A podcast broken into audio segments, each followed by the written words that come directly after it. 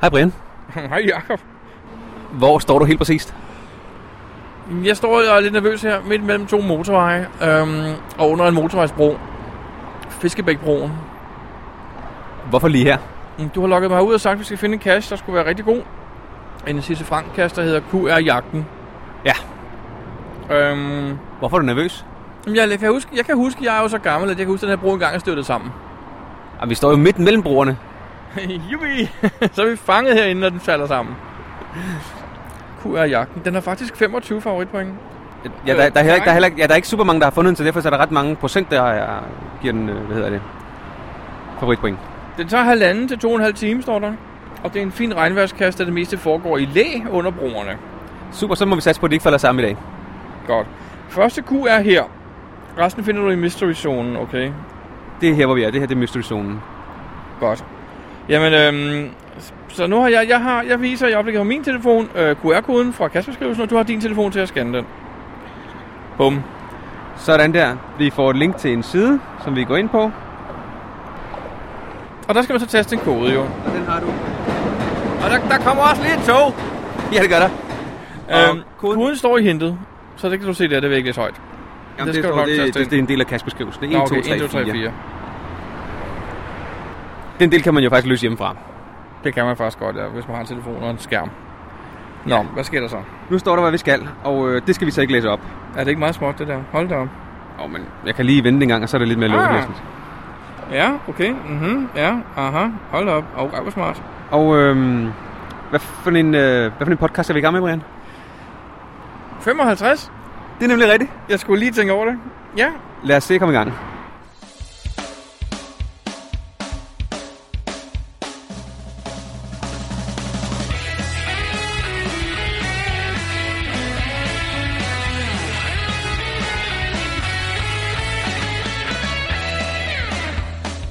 Du lytter til GeoPodcast, din kilde for alt om geocaching på dansk. Husk at besøge vores hjemmeside, www.geopodcast.dk for links og andet godt. Husk at du kan kontakte os via Skype, e-mail og Facebook. Vi vil elske at få feedback fra dig. Hej Jacob. Hej, Brian. Vi står øh, der, hvor vi startede faktisk. Ja, Ah, 30-40 meter fra, ikke? vi har fundet nogle forskellige QR-koder. Det har været meget skægt, det har været rigtig skægt, men, men og lidt udfordrende, og vi har klaret opgaverne. Jeg synes, det var sjovt. Øhm, og nu er vi så kommet... øhm, hmm, hmm, hmm, hmm. Nu er vi kommet til step, hvor at, øhm, Og nu skal du klæde om. ja, Skal du øh, have badebukser er på? der ingen vej udenom. Øh, nej, badebukser, dem har jeg sgu glemt. Nå, Og vandet øh. er lidt koldt, så jeg satser lidt på, at vader skal gøre det. Nu synes jeg er et jeg, har godt hørt, sats. jeg har hørt nogle andre sige, at deres vader ikke var øh, høje nok. Men så klarede badebukserne og det varme vejr det. I dag, i, dag, I dag er det ikke helt så varmt. Mm. Nej, der, jeg så lige på Eller, jo. termometeret, der er 20,5 grader i dag. Ja, men jeg er ikke sikker på, at vandet det har nået at få øh, den rette temperatur nu. Ja, det tror du ikke. Jeg så en hund, der var i lige før. Den nød det. Ja. Mm. Du så ikke alle de der myrepatter, den havde bagefter? Nej, det havde den under pelsen. Nå, okay. Ja, Nå, men men- du, du skal i vandet. Ja. Vi vender tilbage med billedrapportage senere. Jeps. GeoPodcast. Dansk GeoPodcast. Nu har vi fundet koordinatet til kassen, og øh, vi er på vej hen til den. Hvad synes du om, øh, om opgaven, Brian? Åh, oh, Jacob, jeg, jeg, ved dig, jeg, jeg, jeg er ikke så god at spørge om sådan noget, fordi jeg, jeg begyndte at forvente mere og mere. Og så bliver jeg skuffet. Så bliver jeg en lille smule skuffet, synes jeg. Så er der faktisk en lille smule skuffet på den her, eller hvordan? Nå, men jeg havde bare troet, de var sværere, og det ville tage længere tid, og... Øhm, vi klarede det jo ret hurtigt. Det gjorde vi. Vi havde også det rigtige udstyr med, kan man sige. Jo, jo, vi, havde, vi var jo, jo, jo, jo teknisk velforberedte. Men øh, jamen, det er da en god opgave, og det er sjovt lavet. Step 2, fantastisk sjov, altså. Absolut. Hvad øh, får du en favoritpoint? Ja, ja, selvfølgelig gør den det. Nå, men vi vender tilbage, når vi øh, forhåbentlig har kassen i hånden. Hvor mange meter er der? GeoPodcast. Dansk GeoPodcast. Hvad er det i dag, den øh, 21. 21. april 2014, det er herrens år. Ja. Og du er så rart at skrive mig i kassaen. Yep. Må man godt det? Skriv hinanden i. Ja. Altså, jeg gør det altid, når jeg er afsted på tur, at øh, jeg skriver øh, alle dem, jeg kender i. jeg skulle lige til at sige for at sige til sammen alt, det du kender. Og så sender jeg en mail, når jeg er færdig, og skriver, alle de her kasser, jeg har besøgt i dag, dem kan I bare logge. I står i logbogen. Ja, det er fantastisk. Det er så nemt. Og øh, på samme måde, så forventer jeg også at få rigtig mange øh, mails Ja. med folk, der øh, har skrevet mig i. Det er en god service. Når man er afsted på tur sammen, så... Jeg, jeg gider ikke selv at skulle skrive logbogen. Jamen, jeg var på tur med nogen, Ja. Og, og der var sådan lidt en snak om, hvorvidt man selv skulle, fordi der s- vedkommende, jeg var på tur med, havde tolket Groundspeaks regel nummer et, som at man skulle selv skrive i logbogen. Ja. Den hedder jo, at man skal skrive i logbogen, ikke? Der, du skal, ja, jeg kan Dit hvad det er. navn skal stå i logbogen. Ja. Eller. Han havde tolket det som, at han skulle selv skrive sit navn i logbogen, for det galt. Nå, ja. Så han insisterede meget på at selv at skrive. Jamen, det er da også i orden. Det er også i orden, men nu så du skrev for mig, og så vil jeg godt have, at du sletter det igen. Det, det kan du få lov til. Nu ligger den her. Nej, Så det kan er da du se rimeligt. Den er rimelig våd og beskidt. selv. Nå, okay. Jeg vil lægge den tilbage her. Sådan der, og så stod der, man skulle gøre sådan her. Og nu spoiler du den jo med bladene. Åh oh, nej, så kan man da, den er gemt under blade. Eller noget. Hvis nu folk skal høre, det, hvad for nogle blade det er, så ved de, hvor den er henne. Ja, på den her øh, geotaggede mp3-fil. Ja. Jamen, Jakob, øhm, øh, nu er vi færdige med den. Ja. Hvad tid startede vi? jamen øhm, det er vel en times tid siden. øh- Det er faktisk halvanden. Er det halvanden time siden? Ja. Nå, men så passer det jo meget godt, det der med halvanden time. Ja, men det er jo ikke... Det er jo ikke mm, jeg kan ikke sige noget, jeg vil ikke afsløre noget. Nej. Men Jeg, vil sige, jeg, var, jeg, havde, jeg havde jo øh, været her før og vidste, hvad jeg skulle have med udstyr. ja, du har været på step 1 og 2, ikke? Ja, og gik i stå på step 3. Ja. Og derfor vidste jeg, hvad for noget jeg i hvert fald skulle have med for at kunne løse det step. Ja. Og hvis vi var kommet her uforberedte, så tror jeg faktisk ikke, vi kunne løse det umiddelbart. Nej, nej, slet ikke. Vi havde noget med, vi skulle bruge. Så kunne det godt være, at øh, vi var strandet, og så skulle finde noget igen. Hvis man ikke havde lige præcis det, som øh, vi skulle bruge, så havde man nok skulle løse det på en alternativ måde. Og så de andre steps måske. Ja. Og så har det også taget lidt ekstra tid. Til gengæld Ja. bruger vi tid på noget, som var u- unødvendigt, kan man sige. Men det snakker vi ikke om. Nej, men vi har billeder af det. Men øh, jamen, øh, jeg giver den favoritpoint med dig. Det gør jeg også. Tak til Sisse Frank for en øh, god cash. Hallo, ich bin Kiki vom Team Sanne und Kiki aus Lübeck und ihr hört den dänischen Geo-Podcast. Hej Brian. Jamen, øh, hej Jacob. Hvad har du lavet siden sidst? Jamen, jeg var på en tur med øh, min bror. Okay. Han, øh, vi, vi var til påskefrokost, og så begyndte vi jo... De, han skulle igen drille mig med det der geo halløj jeg legede, ikke? Ja, selvfølgelig. Og så kom hans søn og sagde, det har jeg prøvet over spejderne, det smadrer sjovt. Og så var han faktisk nødt til- og så sagde han, "Ah, okay, nu er vi, nu- ligger der nogen, jeg havde, nu vil jeg ud og se, hvad det går ud på. Og så gik vi faktisk en tur, og der lå en to, 24 meter fra hans hus. Okay. Det vidste jeg godt, jeg havde fundet den. Ja. Øhm, så den gik vi ud og fandt, så gik vi ud og fandt den næste også. Og så blev de jo faktisk lidt, øh, de syntes det var sjovt. De synes faktisk, det var lidt sjovt alligevel. Ja, det gjorde de faktisk. Desværre nummer to, vi fandt, den var så, øh, det var en en lock and lock, og den var åben og fyldt med vand. Ej, det er lidt ærgerligt. Ja, det var, rigtig, det var faktisk rigtig ulækkert, så vi, vi lavede lidt restaureringsarbejde, tømte den og tørrede den og lagde den på plads igen, og Ej, rigtig godt. jamen, ejeren er, er ikke med i lejen mere. Nå. Det var Sande Allan, det var Greve Rundt. En, Okay, af, ja. en af Greve Rundt-serien der. Ja. Men øh, i forbindelse med det oplevede jeg faktisk noget sjovt, fordi han ville så registrere sig via appen. Hvordan virker det? Jamen, du kan jo vælge at trykke connect via Facebook. Ja. Og man får faktisk en e-mailadresse for connected, for den kon- e-mailadresse, du bruger på Facebook, er også den, du bruger på geocaching.com. Ja. Det kunne jeg se, og det, det brugernavn, du har stående foran dit snabelag i din e-mailadresse, er det, som den foreslår som brugernavn på geocaching.com, hvis det er ledigt. Ah, smart, smart. Ja. Og nu ved jeg så, hvorfor, jeg tror, jeg fik afklaret, hvorfor der er så mange, der for eksempel hedder Sisse Frank, eller Sanne Allan, og du ved, altså Det er deres mailadresser. det er det måske, ikke? Fordi min Ja. ja. bror kom så til at hedde Lina og Kenneth. Ja. Så, så på den måde hænger det sammen. Okay, men, men mange har så valgt, at øh, de ikke... Jeg går ud fra, at man får en mail, når man har tilmeldt sig. Det, ved det jeg fik ikke. han nemlig en mail, han skulle gå ind og sige ja. Og verificere sig. Ja. Og hvis man ikke verificerer den, så kan folk ikke kontakte dig på, Ah, det er på rigtigt. Det er geocaching.com, rigtigt. og det er faktisk lidt ærgerligt. Ja. Fordi Men- jeg, jeg oplever da, at der er nogen, der, der laver nogle ting, hvor man tænker, at det var måske ikke lige meningen, det der. For eksempel var der en her for nylig, der loggede en af mine krak-challenges, hvor man skal finde en øh, i hvert øh, kort, eller på hver kortside kraks-kortet over København og omegn. Og vedkommende havde fundet 13 kasser i Og alt. hvor mange sider er der? Ja, Jeg, mere ved, jeg end- bor på 146, så der må være mange. Ja, altså så mange øh, er der selvfølgelig ikke, men, men der, der er en del, og mere end 13. Så der øh, skrev jeg til ham, at, øh, hvordan det hang sammen, og også at han ikke skal gå ud og prøve at finde de øh, kasser, der har et øh, blåt spørgsmålstegn. Fordi så bliver han nok rigtig, rigtig skuffet, fordi de ligger for det meste ikke på koordinatet. Ja. Ja. Det var lige så meget, meget den oplysning, som jeg gerne ville give vedkommende. Han har så været heldig at finde en kraks challenge, som faktisk ligger på koordinatet, som er en Ja, ja. challenge cache. Ja. Ja. Men han kunne lige så godt have, have gået ud og prøvet en eller anden- finde en eller anden øh, femstjernet mystery. Ja. Og tro, den lå på koordinater, og havde let og let og let og fået en ret dårlig oplevelse, fordi den ikke ligger der. selvfølgelig. Men jeg oplevede også noget, oplevede, oplevede noget andet, fordi da min bror så vi skulle afsted, sagde han, jeg vil godt lige installere en app, hvordan gør jeg, hvad skal jeg tage? Og han havde, han havde iPhone. Så jeg sagde, du går ind på din øh, App Store og søger efter geocaching, og så kommer der Groundspeaks app frem i en gratis version, der hedder Experience Geocaching. Ja, det kender jeg godt. Den havde jeg aldrig set før. Om jeg havde hørt om den, og det er noget med, at du kun kan få øh, en kasse ad gangen, eller tre kasser, eller sådan et eller andet. Nej, ikke? den, jeg tror, den viste de f- tre eller fem nærmeste, Ja. ja. men ikke den allernærmeste. Den Nå. viste kun nogen tilfældige nemlig. For det er den liv foran sin hoveddør blev ikke vist, og heller ikke den næste, vi gik til, var heller ikke vist, men en, der lå en 1,2 km væk var vist. Ja, men kunne det have noget at gøre med, der er jo den funktion på geocaching.com, hvis du får vist kasser, så er der et, øh, et flueben, du kan sætte nederst på listerne, hvor der siger highlight, beginners only cache, eller beginners cache, eller sådan et eller andet. Det har de måske gjort som default, så ja. Ja, og det tænker jeg, for der er ingen grund til at... Ah, smart. Den skal ikke vise mysterier. Nej, nej. Måske skal den heller Det ikke vise gjorde den, sjovt multier. nok. Gjorde den det? Den viste multier. Multier ja, men ikke mysterier. Nej, nej. Og måske vis- vælger den øh, kasser fra, der har høj terrænrækning, eller høj difficulty, og også kasser, der ikke er fundet øh, en præcis på gangen. Jamen, den, Den har sådan en eller anden øh, måde, den, den, den highlighter dem på, som er øh, gode til begyndere. Ja. Og jeg kunne forestille mig, at den app gør noget af det samme, sådan så man ikke får en dårlig oplevelse, når man starter. Det ville være d- perfekt, selvfølgelig godt. Ja, det tror jeg, det Godt, ja. Men det var den, I brugte så? Jamen, Men han, den, nej, fordi vi, fordi vi gad at gå 1,2 km. Den nærmeste lå 24 meter væk, det vidste Ja. ja. vi jo godt. Så vi brugte min telefon, min app på i stedet for. Ja. Som, som øh, hans søn Christian så fik lov at rende rundt med. Han synes, det var kanon sjovt. Mm? Hvor gammel er han? 8 eller 9, Okay. tror jeg. Ja, det tror jeg, han er. Han er den alder, hvor, hvor sådan nogle øh, våben, der skyder med skumpile, er enormt sjove. Okay. Og han havde 200 af de der pile.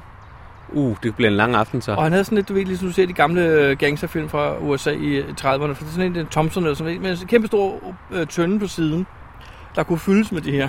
Åh, oh, Ja, så skyder han bare derud af. han skød bare derude, det fløj til højre og venstre. Nå, men Jakob, det er det eneste, jeg har lavet. Hvad har du lavet? Jeg ved, du har lavet noget spændende. Altså til at starte med vil jeg sige, at jeg har været ude og øh, vedligeholde nogle kasser faktisk. Dine Nu. egne? Mm. Der var øh, et par, øh, at- hvad hedder de, Frilandsmuseet, den er jo åbnet her til påske. Åh oh, ja. Så der var jeg lige ude og kigge, og det var godt, fordi den ene lock and lock box, den var faktisk ikke vandtæt. Så det var faktisk mere vand i, indeni, end der var udenpå. Jamen, så er der vel nogen, der ikke har lukket den korrekt. Jeg ved det ikke, men jeg fandt ud af, at den, den stod på højkant, og så er det dryppet ned i øh, pakningen. jeg tog den med hjem, og så prøvede jeg faktisk, jeg tørrede den pænt, og lagde den ind under vandhanen, og der kom faktisk vand ind. Jeg tror simpelthen, pakningen den er blevet dårlig. Så den blev udskiftet med en ny. Så tænker jeg bare på, om det har, været, har det så været en dårlig kvalitet boks, eller hvad? Jeg ved det ikke, det er første gang, jeg oplever en lock and lock box, der var utæt, uden at den er gået i stykker. Ja, det virker da helt vildt mærkeligt. Ja. Nå. Men øh, den fik jeg lidt vedligeholdelse, så har jeg også vedligeholdt øh, Chirping in the Park, eller Chirp in the Park, eller hvad Det det, hedder. så jeg. Fordi øh, Jeg de, fik der, mail jo.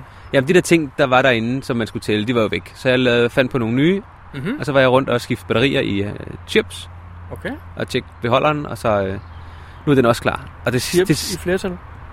ja, måske. Okay. Og det lyder da ikke. Jeg skal- Du, du sagde noget med Frilandsmuseet. Hvad er det, du har liggende deroppe? Der ligger en multi og en where I go. Er de øh, populære? Ja, de bliver ikke fundet så tit igen, men øh, de har da nogle favoritpoint og så videre, så jeg synes, dem vil vil jeg gerne beholde lidt Jamen, nu. de har en del favoritpunkter. Det ved jeg nemlig godt. Jeg var inde og kigge på dem, men jeg synes, det er synd, de ikke bliver fundet mere. Ja, det, sådan er det jo. Det er et fantastisk Det- område. ja, og hvad det er gratis at koster gå ind. komme ind. Ja, det er nemlig gratis at komme ind, så det er bare at gå rundt. Man kan faktisk tage dem begge to, hvis man lige øh, eventuelt printer multien ud måske. Eller har en GPS og en, øh, og en iPhone eller et eller andet. Så kan man sagtens tage dem begge to samtidig. Mm. Det er der flere, der gør. Så. Inden du lige går videre, så skal vi også lige nævne ting, vi har lavet sammen. Vi har været til Gesak Event, eller det hedder det jo ikke. Vi har været til Teknik Event i Løve. Det er rigtigt, ja. Hvordan synes du, det gik? Jamen, det gik faktisk okay. Altså, af en eller anden grund, så bliver vi hurtigere færdige, end vi plejede. Jamen, jeg tror, de er kloge derude, Vesper. ja, det tror jeg også. Og så nåede vi lige at få lidt mere med, sådan så, at vi faktisk ikke behøver at lave det sidste event. Det der makroevent, vi plejer at have. Ja. Det øh, behøver vi faktisk ikke, fordi vi har gennemgået de makroer. Måske ikke helt så dybtegående, men vi har gennemgået det. Ja. Og øh, resten kan man jo se på nogle forskellige videoer på gesak.dk. Nemlig. Men vi har oprettet et nyt event allerede. Ja, vi har. Hvor er det, vi skal hen? Det er Odense den her gang. Det bliver spændende. Det bliver rigtig spændende, og det er et rigtig fedt lokale, vi har fået fat i. Jeg kender det. En gammel mølle, Mm-hmm. eller lige ved en gammel mølle. Rigtig, rigtig lækkert lokale. Vi så det kort til et event den 29. februar i 2012, tror jeg det var. Ja. Og jeg, kan, s- jeg faktisk skrev du i din lokning, at dette lokale skriger efter et gesak-event. Ja, Det synes jeg var lidt sjovt, at hvis man faktisk... Øh, det er bare ærgerligt, at For det går ham. to år, før folk reagerer. ja, sådan er det. Men øh, nu er vi klar til at tage dig afsted, og det bliver en gang i starten af maj. Nu inden du får lov til, hvad du har lavet, Ja. så har jeg lige en anden ting, jeg vil komme i tanke om nu, nemlig fordi øh, vores, vores øh, fælles ven Sangil, Ja. han var faktisk i tv forleden dag. Okay. DR2 havde en temaaften om, ind om Facebook. Åh Så oh, du ja. den? Nej, jeg så det ikke. Men øh, han var på i cirka 5 minutter, og de næste to minutter fik han 2.000 nye venner på Facebook. Det er jo helt sindssygt. Jeg synes, det var sjovt. Hold da op. Desværre jeg nåede ikke at se det, jeg var på arbejde, men jeg så hans statusopdatering, hvor han skrev, han var, han var helt øh, benovet og vidste ikke, hvad han skulle, og 2.000 nye venner, og han var nødt til at sige nej, for han vil kun være venner med folk, han kender i virkeligheden. Ja. Eller ja. ved, hvem er. Ja, det kan jeg godt forstå. Øhm, men jeg synes, det var lidt sjovt. Det er det godt nok. Der var så et link heldigvis til udsendelsen, så jeg gik ind og så det bagefter. Det var en rigtig god udsendelse om øh, forbrug af Facebook, og hvordan man egentlig kan bruge det fornuftigt, uden at blive afhængig af det. Ja, for det har, jeg- der har der været et tema om, om øh, afhængighed af Facebook. Nå, faktisk. okay. Jeg har ikke set det, men øh, jeg har hørt om det.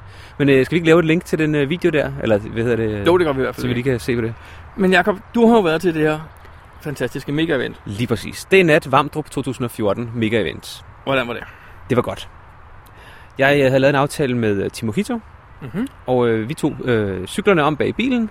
Tog I cyklerne med? Vi tog cyklerne med til sidst. Øhm, Bagpå eller indeni? indeni, der er ikke noget træk på den bil, jeg har lånt. Nej, okay. Nu var det lånt bil, Jacob. Det er fordi, der er en, der har valgt at køre op i den anden bil, jeg har. I Du min fik- rigtige bil. Nu kom du ikke til skade, vel? Nej, jeg kom heldigvis ikke til skade. Der skete ikke noget med mig. Bilen den er til gengæld øh, rimelig skadet. Det tager øh, tre uger at få den lavet. Men hvad fik du lånt? Jamen, det er en stor Passat. Helt og ny. Det, ja, en helt ny Passat. og der burde være plads nok til cykler, men det er ikke sådan helt... Det, den lige knap, det kan lige være der om bag i. Hvad gjorde du? Lagde du noget præsending ind Jeg først, landede på sending ind først, og så lagde vi cyklerne ind i, og så ba- bagage oveni. Vi skulle have alt muligt udstyr med vaders og stiger og alt muligt, du ved, når man skal ud og geocache, jo, ikke? Jo, jo, selvfølgelig. Det er jo Så, sådan, men nok, øh, vi tog afsted der klokken lørdag morgen klokken 6, og så endte vi op i, øh, ved Vamdrup ved ventet klokken 9, hvor der var morgenmad. Er det virkelig kun tre timer, eller kørte den meget hurtigt, den bil? Ej, det tager cirka 3 timer. Det passer meget godt. Så fandt vi øh, en kasse undervejs ved øh, Nyborg, et TB-hotel, Mm-hmm. som er fundet alt for få gange. En stor, en large beholder faktisk.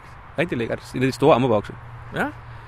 Og øh, ja, så kom vi til eventet. Så satte vi vores øh, telt op, sådan så vi var klar. Sådan så vi ikke skulle øh, sætte telt op klokken 2-3 om natten, når vi nu var færdige med natcash. Så I sov i telt? Det var den billigste og den nemmeste løsning. Ja, jeg er enig. Men hvad så med selve eventet? Jamen altså, der var jo øh, der var morgenmad. Ja, det var vel overstået, da I kom kl. 9, ikke? Nej, nej, der startede morgenmaden. Nå, okay. Så blev der delt øh, kasser ud. Og øh, jeg så et billede af en Ja, bunke det var, GPS'er. øh, man indleverede sin GPS, ved, når man kom, og så fik man en goodie bag med en coin i, og med øh, nogle forskellige øh, sådan nogle merchandise ting. Det glæder mig at høre. Ja, og så afleverede man sin, øh, sin GPS. Og da det så skulle udleveres igen, vi var jo, øh, vi gik jo ikke efter first find race, så vi sad dernede og snakkede. Der var også en, øh, sådan en lille seddel, øh, med, hvor man skal have underskrifter fra folk, der har nogle forskellige ting. For eksempel, den øh, sværeste, det var, øh, du skal have øh, underskrift fra en, der har tatoveret TB. Nå. Ja, det var der ikke så mange af jo. Nej, Så de var i høj kurs, de mennesker. ja, de få, der var. Der var nogle tyskere, tror jeg, der havde en tysk kvinde, der havde. Okay. Og øhm, når så havde udfyldt den der, så afleverede man den om aftenen, og så var man med i en lodtrækning. Om Mm, forskellige øh, Om lækre forskellige ting. lækre ting, lige præcis. Okay. Okay. Alt muligt blandet.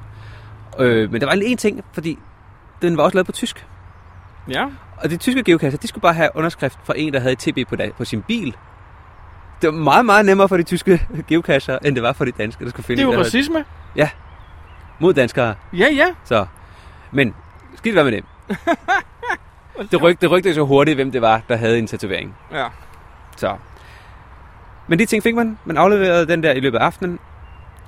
Men ja, det var det, vi kom fra. Det var de der GPS'er, der skulle øh, udleveres. Og da vi så øh, var ved at være færdige med morgenmad, og alle andre var nærmest forsvundet fra den store sal, så gik vi ud mod, øh, mod indgangen, og der var bare en kæmpe kø. Vi kunne ikke rigtig se, hvad der skete. Så Men I tidspunkt... op for en sikkerheds skyld. vi stillede os op i køen, om vi skulle have vores GPS, og vi var godt klar, over, at det var noget GPS-udlevering. øh, Og så vi så kom, kom tættere på og kom op ad den trappe, som vi kunne se, så stod de deroppe og råbte en GPS op, og så læste de navnet på det navn, der stod på. Der stod tre mennesker og råbte øh, navne op med GPS'er. Og det gjorde de 800 gange. Og det gjorde det så de der 800 gange, eller hvor mange gange, mange GPS'er der nu var, og vi tænkte bare, ah, det kan man nok have gjort lidt smartere. Men Jeg tænker nu, nu er det over en uge siden, står de stadigvæk og råber nummer op, tror du? Men det viser sig, det var jo ikke det, der var meningen jo. Nå. Meningen var, og det er jo også et billede, der man figureret på Facebook, af, at de havde øh, forsøgt at lægge dem op på nogle borde, men, men de kunne simpelthen, der var så mange mennesker, der stod og var klar til at tage de der GPS'er, at de kunne simpelthen ikke komme til at lægge dem ordentligt. Og så begyndte folk at bare tage GPS'erne og sådan. Det, det, afhængig af, hvad man spørger, så er der selvfølgelig nogle forskellige ting, der er foregået, men det gik så, øh, så var I hatte briller, så det valgte simpelthen at samle dem ind, og så dele dem ud en af gangen. Det kunne man godt have gjort anderledes. Det kunne man godt have gjort anderledes. Ah. Ja. Til natteeventet, eller til, øh, til den aftendelen, der fik man så også, øh, samlede de også GPS'erne igen, og så fik man øh, natkasserne øh, lagt over. der havde de så lagt dem ud på øh, nogle store langbord efter øh, mærke og model. Så altså alle Oregon 600, de lå i en klump. Og alle, ja, så var det ligesom lidt delt lidt op. Så kan man bare starte med at gå og finde nogle af de dyre. Jo. Jeg hørte, der var en, der mistede sin. Der var, nemlig. ja, der var nemlig en, der mistede sin GPS. Hvad der er Det var nok sket, ærgerligt. det ved jeg heller ikke. Og der er også nogle andre, som har fået ridset deres eller et eller andet. Og det er selvfølgelig rigtig, rigtig ærgerligt. Men, men man skal også overveje, hvordan delen skal man gøre det der med 800 GPS'er. Det ved jeg godt. Jamen, der findes jo den der metode, hvor der er en, der kommer og sætter nogle, nogle computer op, og så kan man selv lige... Øh, Nu el, så det var ja. ja. Der skal man så også overveje, øh, hvordan sørger man så for, at de folk, de ikke smutter, når de har fået dem. Fordi der skal så alle, det vil jo gerne have, at alle skal, at det skal være lige for alle, men det Jamen, der første finds. Det synes jeg ikke er svært, fordi i sådan en hal, de haller, jeg har været i mit liv, der plejer at være låse på dørene. Og man kan jo heller ikke låse folk inden. Folk vil jo gerne ind og ud og så videre, og lige øh, det ene og det andet, og jeg skal lige have noget i bilen og sådan noget, ikke? Det vil måske Så så den tage er 10 sådan lidt- lidt... minutter i kvarter at få alle GPS'er opdateret via de her computere, Måske, jeg og ved så ikke. låse dørene i den periode, det kunne man da godt gøre. Det er i hvert fald en mulighed. Det havde jeg valgt. Ja. Ej, Ikke låse dem, men sat nogle folk ved døren og sagde, okay, prøv at- hvis du går ud nu, hvem, hvad hedder du? Okay, så skal man vide, at du fraskriver dig rettighederne til FTF, hvis du går nu. Ja, Fair det er, lidt, nok. det, er Altså, lidt, det er jo fair det, er play, lidt, ikke? det er lidt svært Det er at gøre fair på den play. måde. Det synes jeg godt, man kunne gøre. Men det er i hvert fald en, en, en af mulighederne. En anden mulighed, som øh, vi stod og snakkede om der i vores, det var, at man kunne, øh, når man indleverede sin GPS, så kunne man få et øh, nummer, ligesom sådan en øh, garderobenummer. Ja, ja, lige Og præcis. så er den det er på. har en karabin her i på. Lige præcis. Og så kunne man øh, på den måde Ja, øh, have min nummerorden og... have min nummerorden, og så aflevere sit nummer, og så få en GPS igen. Enig. Det var øh, en lille ting, som ikke spillede. Var det det eneste, der ikke spillede? Det synes jeg. Ja, så, og så lige det regnede en lille smule, da vi skulle til natcash. Hvad havde det ikke så for godt vejr? Det, ja, resten af dagen jo faktisk. Nå, okay. Så lige der. Men, men, men øh, det var en ting, som var... Ja, det kiksede lidt, på grund af, øh, at der var en masse mennesker, som heller ikke kunne finde ud af at, at, at ligesom, øh, give plads. Altså det billede, hvor, der, hvor, der, hvor alle GPS'erne ligger, der er jo også en, et, et en myriader af mennesker, der står og er klar til at tage deres GPS og så storme ud på, øh, på first finder jagt, ikke? Der var 500 nye kasser. Jeg hørte, Ja. ja. at en af dem først blev først, find, først fundet dagen efter jo. Ja, det er jo ikke til at vide, hvad for nogle kasser man skal gå efter, jo. Det er jo ikke, det er jo ikke delt op, jo. Hvis du nu bare havde taget dem alle sammen, så var du sikker på at få nogle first find. Ja, Ah, men det, er ikke alle, det var ikke, det var ikke øh, kasser, du kunne finde alle sammen samtidig. Eller på en dag, sådan. Var der nogle specielle ting derovre? Var det gode kasser, eller var det bare et et skød powertrail? Der var nogle power trails. Øh, nej, ikke power trails. Der var nogle trails. Øh, et, der hed øh, HV, som jeg tror er Havvejens øh, power trail. Ja. Eller ikke power trail, trail. Og øh, der var en del af dem, som faktisk var øh, oppe i træerne, altså med høj terræn og difficulty. Okay. Øh, ikke alle sammen, men nogle stykker. Vi startede, øh, Simon og jeg, med at øh, køre ud og finde nogen, som øh, havde nogle lidt høje, som var oppe i træerne. Så fandt vi en lille serie, hvor vi skulle gå rundt, sådan trampestien rundt, og tænkte, hey, der tager vi cyklerne frem, og så... Mm-hmm. Ja, det var så et dårligt valg. Nå. Fordi der var nogle steder, hvor man ikke kunne cykle, så blev vi til at gå med cyklerne. Det gør det ikke nemmere, vel? Nej. Og så fandt vi ud af, at det var faktisk bøvlet at tage de cykler ind og ud af den bil. Så de blev inde i bilen resten af turen. Så dem kunne vi godt, Fantastisk. det, det, kunne vi godt have droppet at tage med. Men sådan er det.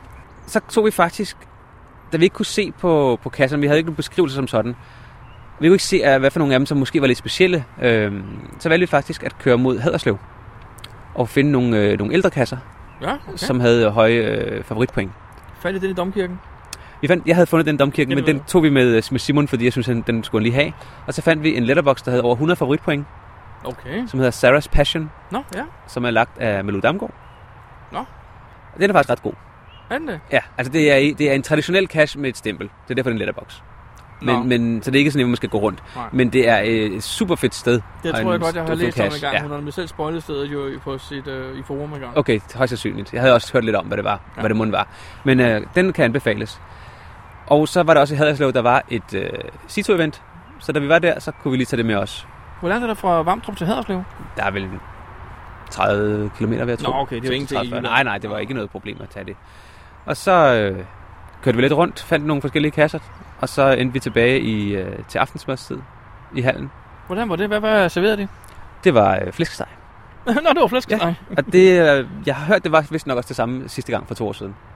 Det er, en- det er nærmest et sikkert hit, jo. Jamen, så alt i alt... Øh, Jeg synes, det var godt. Og så Hvordan- til hvordan, var- natkasserne. jeg skulle sige, hvordan var natdelen så? Der var jo så øh, en masse natkasser, øh, multi og, og mystery, tror jeg også måske, der var. Jeg nåede ikke at se så meget af det jo. Vi nåede, vi nåede at finde 3-4 stykker natkasser. Og så labkassen. Der var lavet en labkasse, og den var jeg rigtig, rigtig spændt på. Var der kun lavet en? Jeg kun lavet en labcache. Og jeg var meget spændt på, hvad de måtte havde fundet på. Om de havde udnyttet øh, potentialet for pa- labcacher. Og Og jeg blev ikke skuffet. du blev ikke skuffet? Nej, jeg blev ikke skuffet. Jamen, man kan jo godt spoil den, fordi den Den man kan jo ikke, det findes kan jo ikke igen. lokkes igen, nej. Det Hvad var har de simpelthen, de havde simpelthen, øh, der var et, et stort, øh, ja, det er ikke et kloakrør, for der er jo ikke kloakvand, men der løber vand i. Sådan et stort, stort rør, der er vel øh, ja, lidt over lidt meter 80 i højden, eller i diameter. Okay. Og der skulle man så gå igennem, og det havde skrevet ting på væggene med sådan noget selvlysende eller fluorescerende øh, Aha. lys og UV-lysagtigt. Så man skulle gå med at lyse med en lommelygte en gang imellem, eller med UV og sådan lidt af hvert. Og et eller andet sted skulle man så finde nogle tal, man så skulle bruge til at lokke sin labkasse med. Ej, det er meget sjovt. Den synes jeg faktisk var ret godt lavet. Jeg skal lige høre en gang. Skal man gå hele vejen ind igennem det her rør, og så ud igen, eller kommer man ud den anden ende? Man kommer ud i den anden ende. Og det var lidt heldigt alligevel, for Mm. Ja, jeg tænker, fordi der 800 skulle- mennesker. Lige præcis. Det var ret godt tænkt faktisk. Og så Ja. ja. kravler man op af, af, af et sådan mandehul. Nå, okay. Ej, kommer det er op. cool nok. Det var rigtig, rigtig godt lavet. Den kunne jeg rigtig godt lide, fordi det er også en ting, man, det kan man ikke bare lave øh, til hverdag, for jeg tror, at det der det bliver, det bliver vasket væk, de der tal og sådan nogle ting, afhængig af, hvor meget vand der er. Ja, selvfølgelig, selvfølgelig. Plus, at Hvor var det, hvad var det for et rør? Altså, hvad, var det, var det er noget, som jeg ved, at de sagde, at hjemmeværende eller, nogle, af- eller militæret også brugte det til at lave øvelser en gang imellem, sagde de. Nå, okay. Så det er nogen, der kender det, Vildt. fordi nogen øh, ja, er kloakmestre, eller hvad ved jeg. Ja, ja, ja. Men det var rigtig godt, og så var der både folk i den ene ende, som sørgede for at sende folk ind i etapper. Ah. Og på den måde, så fik man ikke ødelagt det af, at, at dem, der gik 5 meter foran dig, de sagde, nej, her har jeg fundet et tal, og her der står der det og det, og nu skal du... Altså, så gik der lige... Så, så man, man kunne skimte, at der var nogen i den anden ende, altså længere fremme. Det kunne man skimte, man kunne høre dem, ikke? Ja. Og så valgte man så også selv at holde pause, når det var, at når de holdt pause, så man ikke kom op i nakken af dem. Hvor lang tid tog turen? Jeg kan faktisk ikke huske det, men vi var et stykke tid om det. Hvor lang tid stod jeg og ventede? På at komme ind, 5 minutter eller sådan noget. Ej, det er meget cool. Så, men, men selvfølgelig, hvis du kom på et tidspunkt, hvor der var rigtig mange, så ville det jo tage længere tid, men så kunne man måske finde en natkasse i mellemtiden, ikke? Hvor langt var røret? Jeg tror, det er, hvis nogen snakker, det er en 300-400 meter. Nogen, jeg har også Lige hørt- ud eller snor det så? Ej, det snor sig også lidt. Så man kan ikke se fra den ene ende til den anden. Jamen, det lyder da rigtig godt. Jeg, altså, jeg, øhm, jeg var jo arbejdsramt. Jeg kunne ikke øh, komme fri på nogen måde. Ja, det var da ærgerligt. Og øhm, så du fik lov at tage afsted hos mig. Ja. Men jeg er glad for at høre, at det var et godt event, fordi jeg, var, jeg frygtede faktisk, at du ville komme tilbage og sige, at øhm, vi mødtes, vi spiste, folk gik i hver sin retning og fandt nogle kasser, og så var der ikke mere. Det havde været så skuffende, synes jeg. Det havde ødelagt ideen om et mega event. Ikke? Jeg synes, det er godt, der er indhold, og de laver nogle goodie bags, og de sørger for at organisere nogle ting. Det synes jeg er super godt. Ja, altså der var ikke organiseret som sådan nogle ting øh, ud over kasserne, mm. altså øh, goodiebagsene. Og der var den der konkurrence, hvor, øh, som man var med i, øh, Ja. ja. og øh, der var noget? rigtig mange. Nej, jeg vandt ikke noget. Simon vandt noget. Øh, Timo Kito. Og så var der... En GPS. Nej, det var ikke GPS. Det var, det var alt muligt. Der var noget lidt coins og øh, nogle rulleskøjt og sådan lidt. Det var sådan lidt blandet faktisk. Okay. hvad de har fået sponsoreret. Men jeg synes, det var, det var, det var godt, at det var, øhm, Det vil sige, der var, at ikke man nogen, ak- mødte. der var ikke nogen aktivitet i hallen i fra Nej, det var der velmorgen faktisk aften. ikke. Nej, det var der faktisk ikke. Lidt synd, egentlig. Jamen, jeg tror, folk de gerne ville øh, finde en masse kasser, og der var lagt en masse kasser i, i forskellige øh, typer. Både øh, for børn og for voksne. Og, så, så jeg tror faktisk ikke, det gjorde noget. Nej, men nu tænker jeg også, at der er jo nogle geocacher, der geocacher ved at gå ud og finde en eller to cacher om dagen, og så, så har de måske ikke fysik til mere. Og de vil bare gerne socialisere, så burde der næsten være lidt et, et, et sted, de kan gøre det Men også, de ikke? kan jo sagtens gøre det i hallen, som sagt. Og de bliver ikke smidt ud af hallen. øh, ved du jamen, ikke. jamen, det kan jeg faktisk ikke huske. Jeg var en af de sidste, der gik, men jeg tror ikke, der var nogen... i det- Der, jeg tror godt, man kunne være i der hallen, hvis man ville. Og jeg kunne godt have brugt mange flere timer på at, at snakke med, med alle mulige geokasser. Men det var det, jeg tænkte også er meget hyggeligt, jo, ikke? Ja. Men, men, der, men man vil også gerne finde nogle kasser, så det var lidt svært jo. Ja, jeg har godt set dilemmaet. ja, det er det. Så, ikke? men jeg nåede faktisk at, øh, at få en snak med øh, en af dem, der har været med til at lave det. Ja. Og det er Dorte fra øh, Fru Kok. Ja. Så det synes jeg lige, vi skal høre her. Jeg står her til øh, mega-eventet i Vamdrup og øh, har fundet øh, fru Kok, ja. Dorte. Ja. Og du er en af øh, eventejerne, eller man skal sige, der laver eventet. Ja, det er rigtigt. Vi har været fire hold om det. Hvem er det fire hold? Fire hold, det er Kana.dk, det er RT Lars, det er Team Viking og det er Fru Kok. Okay. Hvor lang tid har I været i gang med det her? Jamen, det er et års tid siden, vi startede med planlægning. Så har vi selvfølgelig øh, haft en, en lang periode, hvor vi bare har udtænkt kasser. Øh, vi har gået ud og find, fundet steder. Øh, men det tog jo lidt tid, inden vi kunne få det kaldt et mega-event. Og så tog det lidt tid, inden vi kunne begynde at få godkendt kasserne. Øh, så da vi endelig fik styr på de her godkendelser, så øh, kunne vi jo begynde at gå ud og lægge dem ud. Så øh, det har været rigtig travlt de sidste to måneder her. Der har vi løbet stærkt. Er det jer, der har lavet alle de eventkasserne faktisk? Nej, vi har delt op. Altså, jeg har lige godt 100. Øh, RT Lars har vist 250, og det har Team Viking vist også øh, tæt på. Øh, og Kana har vist også en 100 stykker. Så øh, det er lidt forskelligt, ja. Hold da op, men det er altså det er jer, der har lavet eventet, der også har lavet alle kasserne. Ja, det er det, præcis. Ja. Hvor lang tid har I brugt på selve eventet? Altså ikke kasserne, men selve eventet her. Altså, det er svært at gøre op, fordi vi har holdt møder sådan øh, hver uge. I, ja, siden jul faktisk, der har vi holdt møder hver uge. Øh, der har været mange ting. Øh, Her de sidste dage har vi været sammen øh, næsten dagligt, fordi der skulle pakkes poser, og der skulle øh, øh, få de sidste ting ordnet med hallen hernede, hvor vi har holdt det. Øh, De har heldigvis stået for maden, så det har vi ikke noget, noget at gøre med, men det skulle alligevel koordineres jo. Ja. Ja, selvfølgelig. Ja. Hvor mange, øh, hvor mange endte vi med at blive? Jamen, vi er øh, uh, 880, tror jeg faktisk, vi var. 85 eller sådan noget. Hold da op, Ja. det er klart det største event i Danmark. Det er må man jo klart sige. det største, det øh, bedste mega-event må man overhovedet i sige. Danmark. Ja. Hvad har været den største udfordring? Det har nok været at håndtere de sociale medier, vil jeg sige, eller rettere sagt at håndtere de mennesker, der ikke kan begå sig ordentligt på sociale medier. Det har simpelthen været så stor en byrde for os, at der er alle mulige, de har skulle blande sig i alting. Også folk, der ikke deltager. Altså, alt har været galt. Lige fra da vi sagde, at vi lagde mange kasser ud, jamen, så var det for mange. og vi siger, men I behøver ikke tage dem alle sammen. altid øh, altså, nogen, der men skal menuen, overtage. den er forkert. Øh, alt var forkert for nogen. Så øh, det har faktisk været ret belastende. Havde det ikke været for dem, så var der ingen problemer. Okay. Ja, ja. Og øh, er I tilfredse med øh, resultatet indtil videre? ja det er vi rigtig tilfredse. Det har bare kørt godt. Øh, det værste er, at det begynder at regne nu, og vi lige har frigivet øh, natkasserne. Og Det er lidt øv, for det er ikke særlig nemt at, at natkasse i regnvejr. Ej, det har I ikke planlagt så godt så. Nej, nej, men det aller sjoveste, det har været at lave vores labkasse. Der bliver bare noget af en øh, overraskelse til dem, kom- der kommer ud og tager den. det Jamen, bliver jeg rigtig, har- rigtig sjovt. Jeg har hentet øh, hvad hedder, beskrivelsen, og øh, Ja. vi tror, vi venter lidt, fordi jeg tror, der er ret meget at run på Ja, det derude lige tror nu. jeg også, ja. Men øh, det, den står på listen. Den skal vi lige det er finde, godt, det er inden vi godt. kommer i seng i ja, hvert fald. det er godt. Men, Men, du skal øh, nok lige huske gummistøvlerne. Ja, ja, vi har også øh, sagt til Simon, at vi skal ud og skifte nu. Det er godt. Så, men, øh, ja. Mange tak for det. Jamen, det var så lidt, ja. Hej. Ja, det var jo så øh, lidt om øh, fru Koks oplevelse med, hvordan det var at lave det der Vamdrup Mega Event. Og øh, jeg vil nok sige, hvis det kommer om to år igen, så, og jeg har tid, så kunne jeg godt forestille mig, at jeg tog det bliver nok ikke i Vamdrup den gang. Det flyttede det nok til et andet sted. Det var jo Bramming forrige gang. Men øh, det kunne jeg godt forestille mig at tage med til igen. Jamen, tag mig med. Jamen, det skal jeg prøve. Du skal se, om du kan få fri. Der var jo mange, der faktisk prøvede at få de der 12 ikoner på en dag. Nå ja, det er rigtigt. Det kunne man jo, hvis man tog til et kaffeevent og sådan noget, ikke? Ja, lige præcis. Det var jo sådan, at øh, nogle de havde allerede planlagt det i forvejen for lang tid siden, og sagde, "Jamen, så skulle de finde øh, en, øh, en virtuel der og en where I go der, og så skulle de til et event, og der skulle de ned til et event ned i Tyskland. Og så, øh, så var der et Holm.dk. Han fik en idé, og det fik jeg også snakket med ham om, da jeg mødte ham. Det øh, kommer her. Jeg er lige faldet over Holm.dk her til øh, mega-eventet. Og øh, det er noget med, at du har lavet et, øh, ja, et næsten mega-event i dag også, er det rigtigt? Og et, et halvt mega-event, kan vi så kalde det. Øhm, som jeg siger, det er Hepper, og det er hans skyld, vi egentlig holdt det, for de, han snakker om i sin tid, at han skulle have 12 ikoner. Og så siger han så, jamen øh, vi skal til Kiel efter et event, og så siger jeg, jamen ved du hvad, vi laver der et lille kaffebord i eftermiddag, øh, så kan folk komme ned og få et stykke kage og en kop kaffe, og de 20-30 stykker, der nu kommer, jamen fint nok, det kan vi hygge os med, og vi har cirka været 230-40 mennesker igennem i dag. Så det var et, øh, et lille, lidt større kaffebord end forventet. Lidt større, ja, men øh, der var stadigvæk plads til flere, der var kage i overskud. I havde, I havde styr på kagen. Ja, så i mandags der havde vi 150 tilmeldinger, og det var det, vi forventede, men i går var der 200 tilmeldinger, øh, og så er de kommet ind i formiddag også, så 230 stykker har vi nok været. Har du overhovedet haft tid til noget andet den her dag? Nej, og jeg har en søn, der skal konfirmere snart, så jeg havde lovet, at jeg hverken skulle lave event eller kasser her i foråret. Øhm, men jeg har en forstående kone, så det blev lige til 15 nye kasser og et event, der har taget rimelig meget tid, så... Men det, det gik nu nok det hele. Så skal vi bare have konfirma- konfirmation som det næste punkt. Det lød som en god idé. Men jeg glæder mig til at komme ned og finde din kasse i hvert fald. Du er velkommen, det er alle andre også. Det lød godt. Tak for det. Velbekomme, hej. Geo Podcast. Dansk Geo Podcast. Natkasserne. Der vil jeg sige, det var der gjort noget ud af. Udover labkassen selvfølgelig, var der også nogle almindelige latkasser ellers. Og nogle af dem, de var lidt anderledes, og så var der nogle, som var virkelig, virkelig gode. Altså, fru Kok har nogle natkasser, som virkelig skal spare to.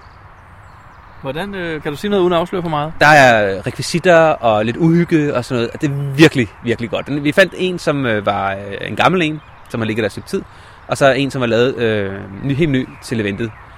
Og hold da op, hvor var det godt. Virkelig, virkelig godt. Altså det ligger inde i en privat skov, hvor det, øh, hvor det godt må være. Og det var virkelig, altså, og derfor kan det også ligge i fred, de ting, der er sat op. Ikke? jamen, det var, øh, det var sådan, hvor jeg bare tænker, hold da op, det, øh, der er virkelig lagt arbejde, og, øh, og hvor der også var lidt opgave. Der var sådan, du skulle løse en opgave for at komme videre, hvor man også tænkte, hmm, godt tænkt, og den er ikke helt nem. Altså det er ikke bare sådan, øh, læs lidt med en uvelygte her eller noget. Nej, nej. altså, du gør mig Virkelig virkelig, godt. virkelig, virkelig nysgerrig nu. Ja, jeg vil også øh, anbefale at tage derover og finde nogle af, af natkasserne derover. Altså, i morgen har jeg lige en arbejdsdag, ikke? Og så har jeg 11 fridage, så det kunne være, at jeg skulle køre over og Og så var jeg også ude af en, der hed noget med Draculas et eller andet. Og der skal man så passe på øjnene, kan jeg fortælle dig. Fordi jeg endte med at få en grin i øjet. Nej. Jo, så jeg havde ondt hele natten, og næste morgen der valgte jeg at sige, at vi er nødt- vi er nødt til at tage til lægen med det her, bare for at være helt sikker på, at der ikke er et eller andet. Så vi brugte nogle timer i Kolding sygehus. Så det forklarer, hvorfor du har den her klap på, du sidder med i øjeblikket. Altså, jeg frygtede virkelig, at det, det kunne godt være, at jeg skulle få en klap på øjet eller et eller andet for at aflæse, men det, er sådan, ah, men det skulle bare have nogle, noget, et eller andet. Nogle dråber. Nogle eller- dråber i øjet, sådan for forhindrer, at der kommer betændelse. Så, men efter vi var færdige på sygehuset, så sagde vi, nej, nu er vi helt herovre, nu tager vi sgu videre. Så vi gik kørte tilbage mod eventet, og øh, så kørte vi efter øh, nogle flere af de der hervejskasser, for der var rigtig mange terræn. Og det Nå. fik jo til kombinationer, Nogle, I manglede som vi måske? manglede. Uh, Så jeg er meget tæt. Vi har en kasse, jeg mangler Hvor mange gange har du så fyldt skemaet? anden gang. Nå, okay.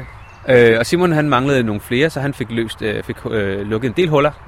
Og jeg har så også fået lukket nogle huller til, til tredje gang, kan man sige. Ikke? Ja, ja. For det er nogle af de lidt mere sjældne, hvor man skulle øh, op, i lidt, op i et træ og sådan lidt forskelligt. Så øhm, og dem kørte vi så efter, decideret kun dem, så vi sprang alle de andre, vi kørte forbi over.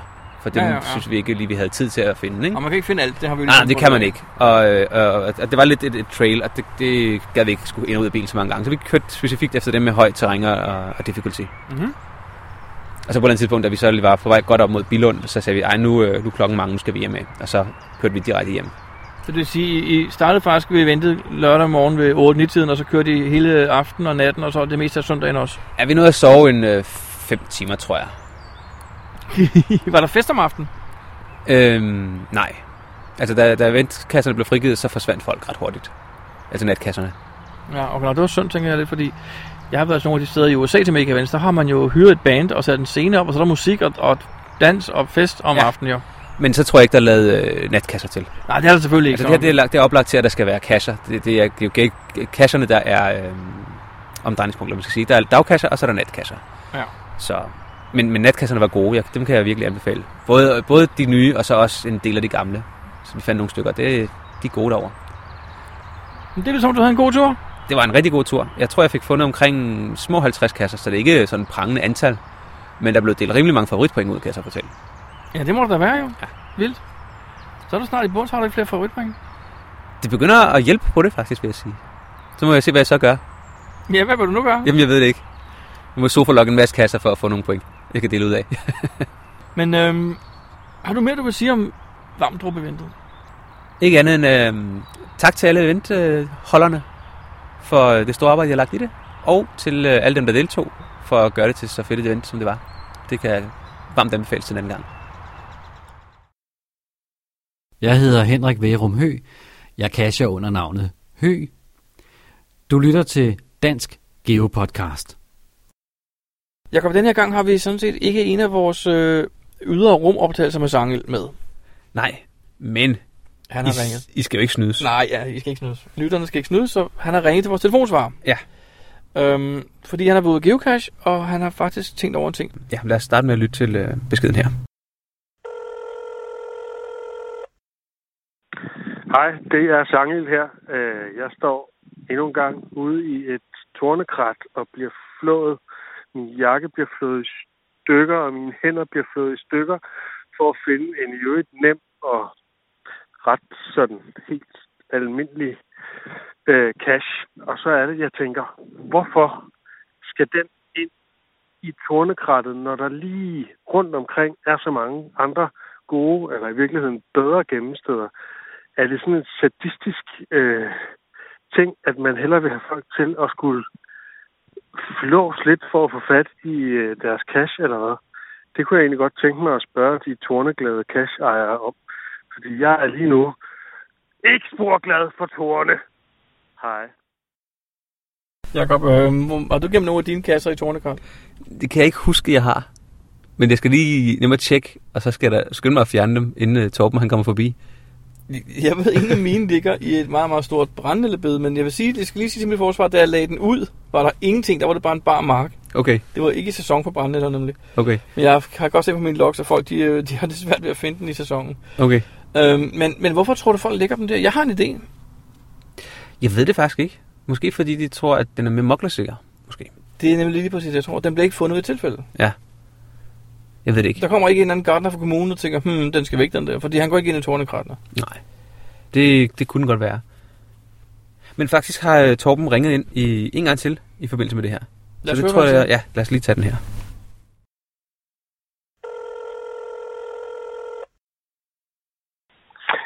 Ja, det er Sangel igen. Jeg håber, at man fornemmede, at selvom jeg var i affekt under den forrige telefonbesked, så var den også leveret med et vist glimt i øjet. Øh, men det betyder ikke, at jeg ikke er interesseret i spørgsmål. Jeg kunne godt tænke mig at vide, om nogen deciderer at spekulere i at lægge geocacher som det mest tornede sted. Øh, ja, men det var bare det. Hej. Så Jak- Jakob Tor- øh, Sange er ikke sur. Nej, nej. Men, men det er et godt emne, skal vi ikke få vores lyttere til at reagere. Jo, det synes jeg. Jeg synes, vi skal lade det være et oplæg til øh, vores lyttere. Og komme, Både øh, som geocacher, kan du lide dem, kan du ikke lide dem, og som cacher, hvorfor gør du det, hvis du gør det her. hvis du gør det? Det vil vi gerne høre om. Og det er både på vores telefonsvarer og på vores øh, e-mail. Helst ikke så meget på vores Facebook-side, fordi så er det, ligesom, så er det brugt, så er det offentligt. Vi vil godt have det med i vores podcast, jo. Ja. Så det tager vi lige næste gang. Lige præcis. Geo Podcast. Dansk Geo Podcast. Jakob, vi har fået en mail.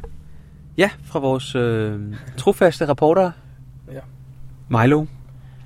Hvor er det henne den her gang, Marianne? Jamen, det er jo på Bornholm. Og det har både sendt nogle lydfiler og øh, noget tekst. Jamen, lad os, øh, hvis nu vi starter med teksten, og så kan vi høre lyden bagefter. Ja, altså lydfilen omhandler øh, deres fund nummer 5000, som var Oh. oh. Ilemosen. Okay. Men øh, det starter her. Øh, Bornholm er en dejlig ø at cash på.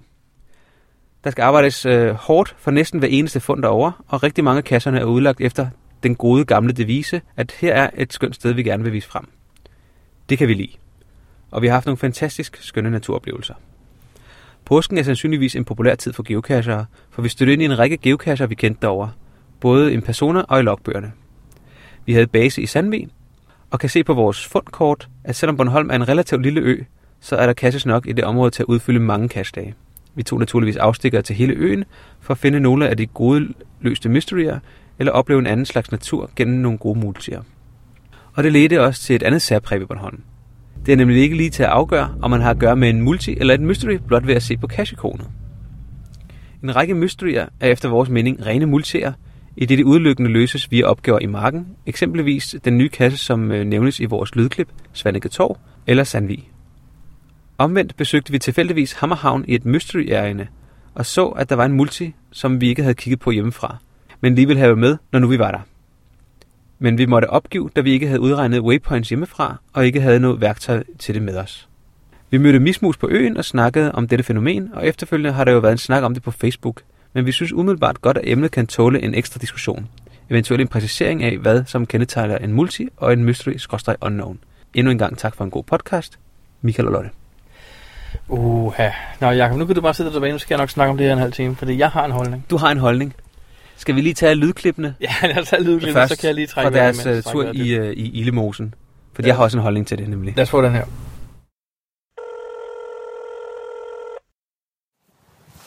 Irene, hvad laver vi? Og vi står og kigger på en lille sø, Hvor er vi hen? Ilemosen på Bornholm. Og hvad skal vi her? Michael skal ud og sejle. Vi kan skal ud og sejle. Vi skal ikke ud og sejle. Nej, tak. Der Der er er iler. nogle snasker i, i vandet. Vi er her, fordi vi er, Michael og jeg og Irene Imirk er på Bornholm. Og øh, vi er klar til at finde vores cash nummer 5000. Og det tænkte vi skulle være Ilemosen, som er en 55'er. Og øh, der er ikke så langt derud. Men vi har sendt Michael rundt for at finde det bedste sted at sætte gummibåden i vandet. Så øh, vi vender tilbage, når vi er kommet lidt længere i ekspeditionen. Michael, beskriv lige situationen. Jamen, øh, vi skal ud og hente den der kasse, der skulle ligge derude. Den skulle ligge frit fremme på en lille ø ude midt i mosen. Og øh, nu er det jo tidligt forår, så derfor så tænker jeg, at øh, der ikke er så meget vegetation. Men vi kan se, at der er en masse stube fra siv og sådan noget. Vi er lidt usikre på, hvad gummibåden siger til, til stubene. Men øh, nu prøver vi at skubbe den ud, og så må vi se, om de bøjer af. Hvorfor tager du linen af? Det er fordi, jeg vil have den i den anden ende. Mm. Sådan der. Værsgo. Og værsgo. Med dem her. Nu er den stil, ikke?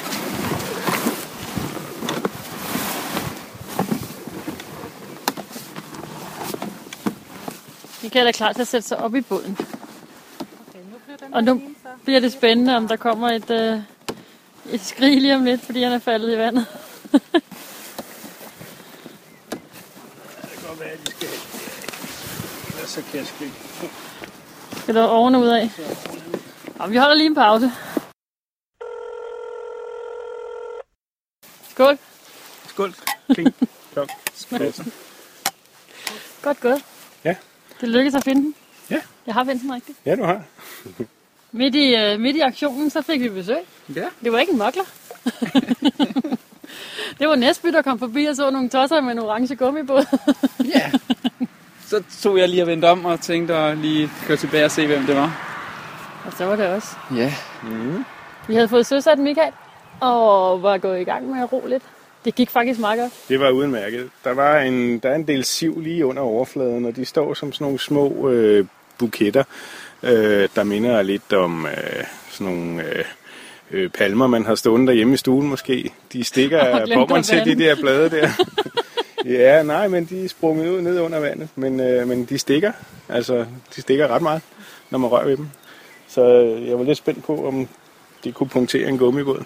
Men øh, den holdt. Det var godt. Og så er det over til øen, og kassen ligger frit fremme. Øhm, så, så nej, det står også. det står i kastbeskrivelsen. Okay. så, så det var fint nok. Det var egentlig ikke så galt. Og øh, jeg er glad for, at jeg havde været os på, fordi jeg er ret våd i mosen, efter at have siddet i den der gummibåd. Det skal man huske, når man sidder i en gummibåd. Så skal man altså tage nogle regnbukser eller et eller andet på, der er vandsæt. For ellers bliver man ret våd i mosen. Men, det Men gik mission fint. er accomplished. Yes. Og vi har fået vores fund nummer 5.000. Tillykke.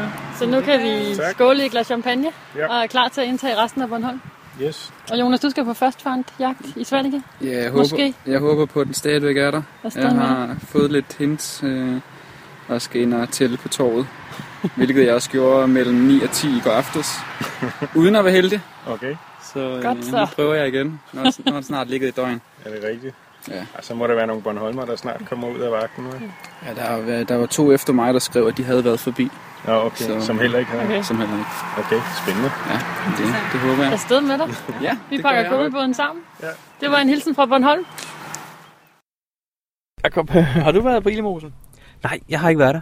Jeg har. Du har været der? Jeg var så heldig at være der i en oppustelig kano. Okay. Øh, det fungerede sådan, at når den fede han sidder midt i sin kano, så går forenden og bagenden lidt opad. Men de mødes ikke når overhovedet. Og de mødes dog ikke. Men når man så stikker på gangen i vandet, så i stedet for at kanoen går fremad, så drejer den den ene vej, og så drejer den den anden vej. Og så drejer den den ene vej, og så, drej- og så sidder man faktisk samme sted og bare sådan rocker fra side til side.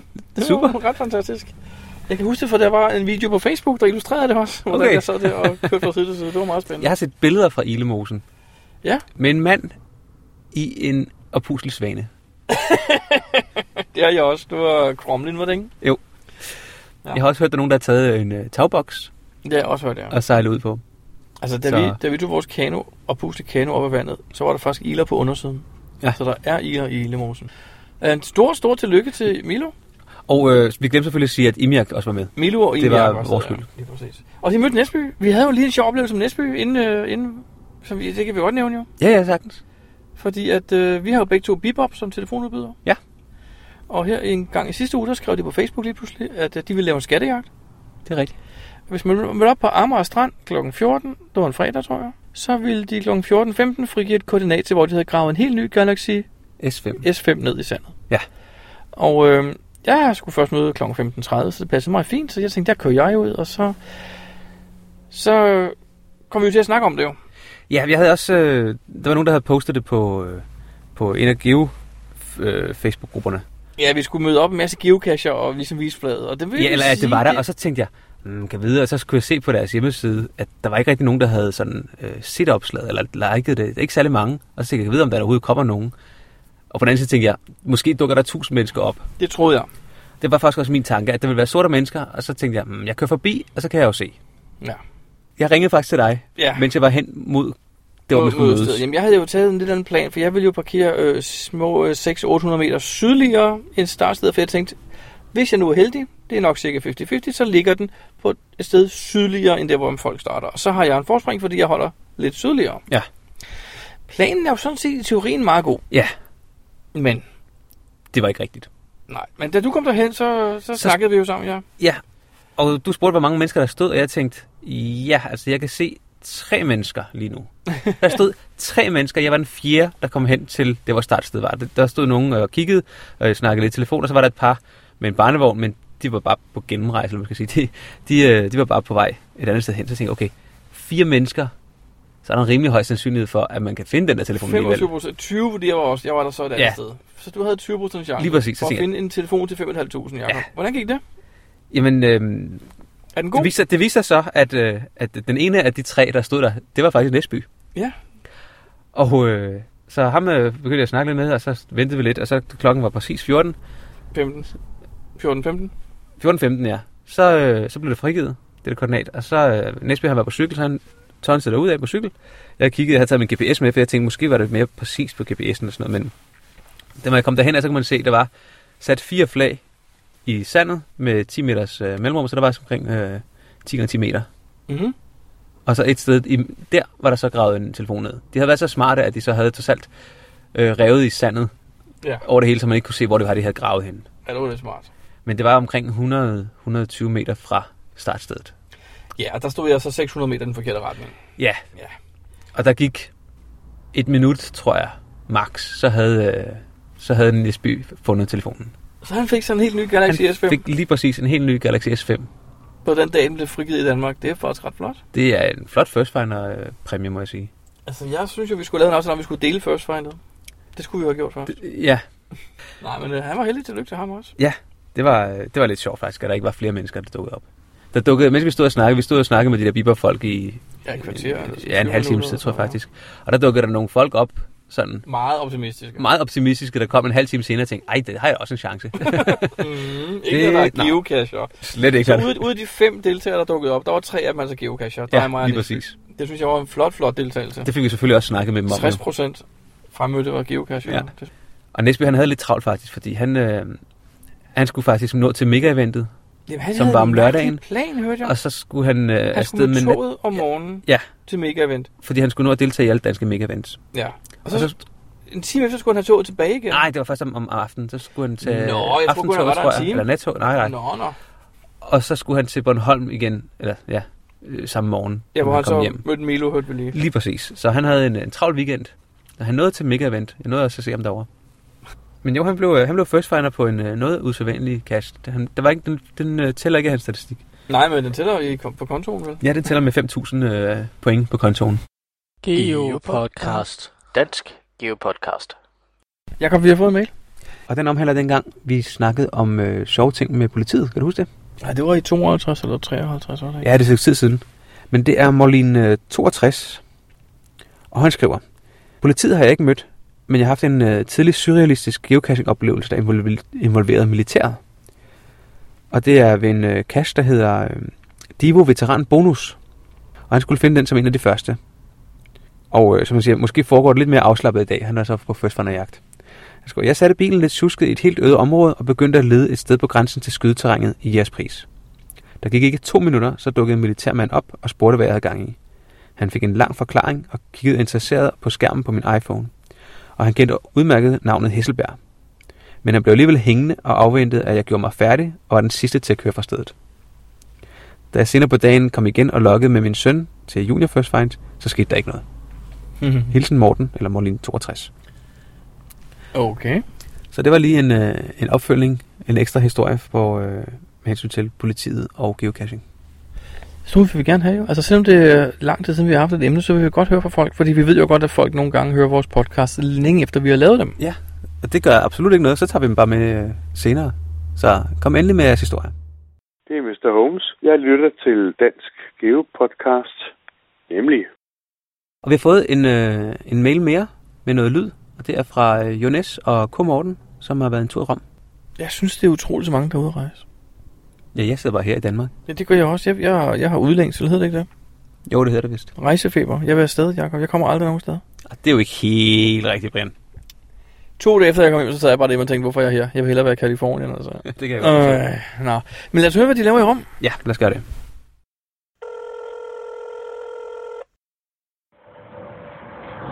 Ja, hej, det er Jolles. Og K. Morten? Vi er i Rom i øjeblikket.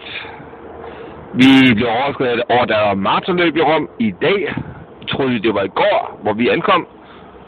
Så vores rute, da den blev ændret lidt, hvilket gjorde, at vi startede på Vatikanet, og derfor så har vi i dag tømt et land, nemlig Vatikanstaten. Det meste af turen er så for ganske vist foregået ud i Rom og ikke i Vatikanstaten, fordi der ligger ikke nogen kasser inde i Vatikanet. Nu skal vi bare finde ud af, hvad vi skal lave resten af dagen. Det er hyggeligt. Hej fra Jørgens og godmorgen. Geopodcast. Dansk Geopodcast. Jakob øh, Bornholm, vi må lige øh, tage, tage det op. Ja, nu vil vi prøve sådan at lade som ingenting, men hvordan har du det med multi versus mystery? Hvad, hvad er det rigtige? Hvad er en multi? Altså i min verden, Ja, men det er ikke kun i din verden, fordi Nej, at, nu- vi men- snakker rent faktisk... Øh, vi er jo gamle i går. Hvor mange år er det gjorde Kasia? uh, øh, syv, måske otte år, tror jeg efterhånden, det blev til. Jeg tror, Okay. jeg tror, det var 06, jeg Altså, startede. jeg kan stille til januar næste år, så har jeg 10 års jubilæum. Hold da op. Ja, Så jeg er på 9,5 år næsten. Ja. Men, og nu siger du i din verden, men, men jeg tror godt, du kan optage, udtale dig en lille smule mere generelt, fordi det er ikke kun i din verden. Jeg tror faktisk, at din holdning er den, den, den, den meget udbredte, og som også er den groundspeak øh, ligesom, øh, prøver at promovere, ikke? At En multi, den skal man kunne løse ved at have kastbeskrivelsen med ud på startkoordinatet. Og så står der i kastbeskrivelsen præcis, hvad du skal gøre. Yes. Altså, det er en simpel opgave, som du har. En defineret opgave. Ja, det kan godt være, at den er meget, meget svær. Det kan godt være, at det er meget, meget svært at tælle de ting, du skal tælle.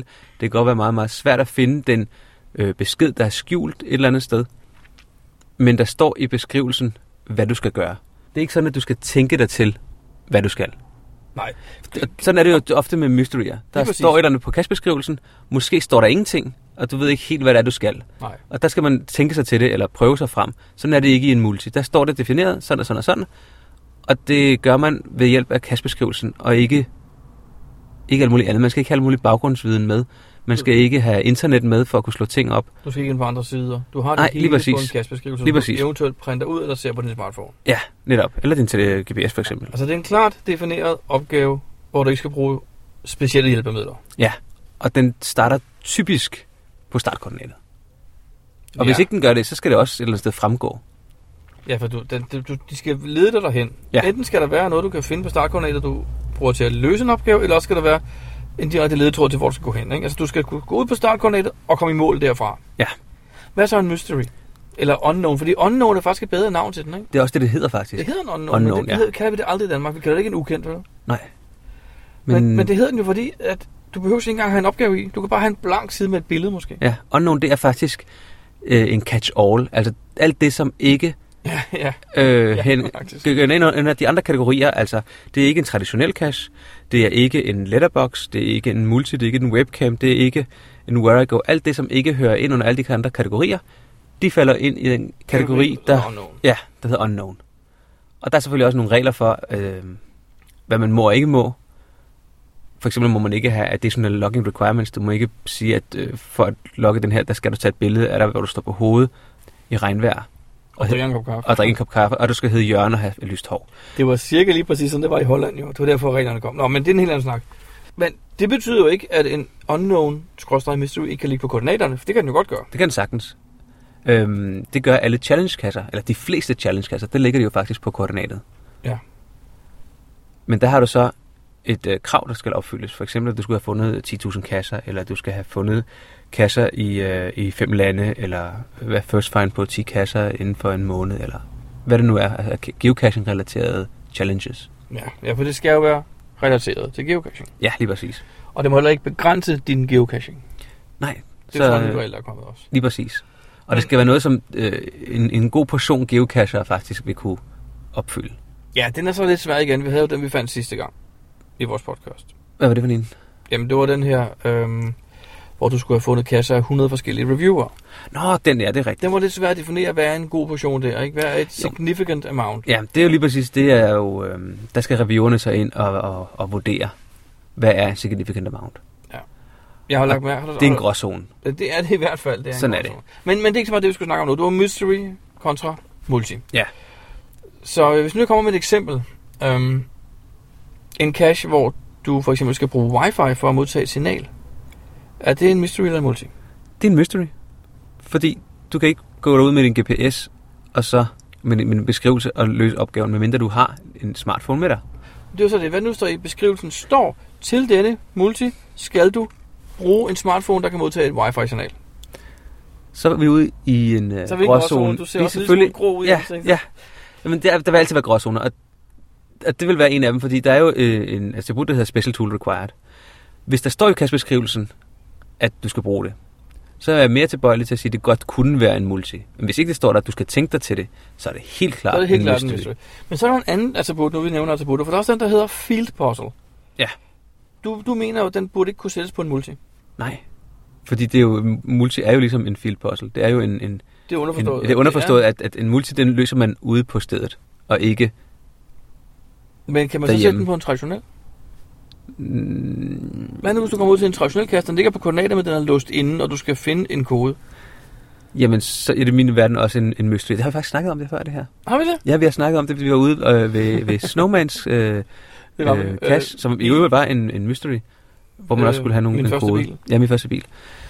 Men, men Så jeg har, jeg har, jeg har helt klart, at at field puzzle attributen burde kun kunne sættes på en øh, mystery cache. Okay, nå, men vi skal lige tilbage til Bornholm, Jacob. Hvorfor er det, øh, ja, men, men Brian, hvorfor er det så vigtigt, at man får øh, sat ikonerne rigtigt? Kan man ikke Jamen, bare ja, der er nogen, der sige, siger, alle det er kan bare... ligegyldigt. Ja, det er ligegyldigt. Bare kom ud og find dem alligevel. Men det synes jeg er noget pjat, fordi jeg går for eksempel sjældent efter multier. Ja. Og det er måske bare, fordi jeg har haft nogle dårlige erfaringer også med dem. Jeg kommer ud til noget, der bare ikke kan løses på stedet, og så bliver jeg sgu irriteret. Mhm. Fordi hvis jeg ved, okay, i dag der går jeg ud og tager en multi, jeg har lige præcis en halv time, den her ser ud til at være spændende. Så kommer jeg ud, og så står der lige pludselig, at øh, øh, du skal starte på det waypoint, du er udregnet hjemmefra. Så bliver jeg sådan lidt, lad være med det. Ja. Og derfor er det vigtigt, at folk laver det rigtigt. Og, de må, og jeg synes også godt, hvad med dem på Bornholm? Skal de rette dem op nu? Skal de lave dem om? Skal vi gå ind og rådgive dem? Bør man gå ind i, i lokkene og skrive, prøv at høre en gang, det er en rigtig god kasse, I har, men er I ikke sød at rette den til en mys- mys- mystery eller multi, for det er faktisk det, det er. I princippet burde man gøre det, ja. Hvad så med dem, der har fundet den? Ja, det er jo ærgerligt. Er det ærgerligt? Altså, ja, det er det. Hvad det nu, er hvis de har bare... troet, de har fundet 100 mysterier på en dag og lokket en challenge, og nu bliver to, to af dem til multier. Jamen, det, har- så har det jo været mystery på det tidspunkt, de har lokket mig. Det ødelægger vel ikke noget ved deres Nej, øh, okay. challenge. Jeg tænker bare, hvis meningen er, at det skal være nemmere for de folk, der skal finde dem, at kunne ud- udvælge de rigtige kasser, så synes jeg egentlig også, man burde gøre det med tilbagevirkende kraft på de kasser, der allerede findes. For der findes jo rigtig mange gode kasser på Bornholm, det ved jeg. Det er godt, jeg har været Nogle rigtig, over. rigtig fede kasser. Jeg vil typisk, når jeg tager afsted, så finder jeg øh, traditionelle og øh, multier frem. Mysterier, hvis jeg har tid i forvejen, så kigger jeg måske på dem og ser, om det er nogle opgaver, jeg kan løse. Og hvis ikke jeg har tid, hvis jeg bare skal et sted hen øh, kort og med måske lidt kort varsel, så tager jeg ikke mysterier med. Fordi, øh, hvad skal jeg have det med for? Det- Jeg har ikke løst opgaverne. Enig. Og måske, hvis det er et sted, hvor jeg måske endda kan forstå sproget, så tager jeg måske de der mysterier med, der har et field puzzle attribut. Men typisk vil det være nogen, som tager lidt længere tid at finde, så ofte vil det være nogen, jeg alligevel vælger fra. Så har jeg multierne med, og det traditionelle. Og så står man derude ved en multi, jeg vil starte, og så er det faktisk ikke en multi alligevel. Og det er da mega ærgerligt. Og når man kommer hjem og finder ud af, at den der mystery, som lå lige ved hotellet, det faktisk var en rigtig, rigtig god multi, som man sagtens kunne have taget. Så ville jeg også blive rigtig ærgerlig over, at den havde jeg ikke taget med. Men jeg har bare ikke tid til at skulle sætte mig ned og kigge på samtlige multier og mysterier og klassificere dem efter, om jeg skal have dem med eller ej. Det er jo Nej, spild af Det er tid. der nogen, der mener, og det kan du bare gøre. Ja, det er rigtigt, men det, det synes jeg spilder tid. Den tid vil jeg hellere bruge for at finde nogle kasser. Der er jo en grund til, at Groundspeak har lavet nogle kategorier. Det er for, at du kan sortere dem ordentligt fra start af. Så du ved, hvad du kommer ud til, og derfor skal det også være i orden, selvfølgelig. Det synes jeg i hvert fald. Det synes jeg også. Øh, og jeg synes faktisk, at man skal hjælpe 100% i den gode tone.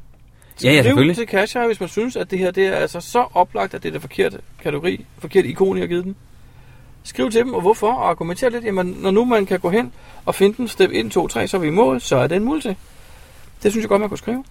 Men Brian, hvorfor er det, at øh, reviewerne de ikke bare gør det? Ah, men det er jo ikke Skriver deres lidt. arbejde.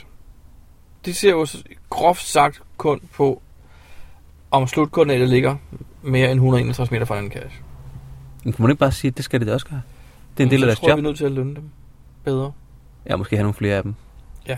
Ej, som Brian rigtig nok siger, der er ikke tid til, at de også skal sidde og kigge opgaven igennem og finde ud af, om det er en multi eller en mystery.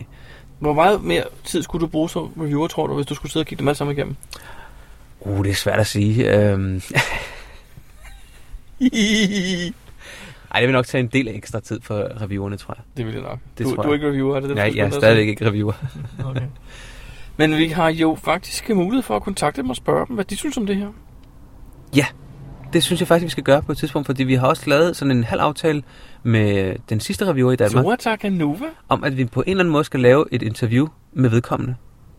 Og jeg synes, vi skal spørge om det her, faktisk. Det tror jeg vil være et øh, rigtig godt øh, emne her.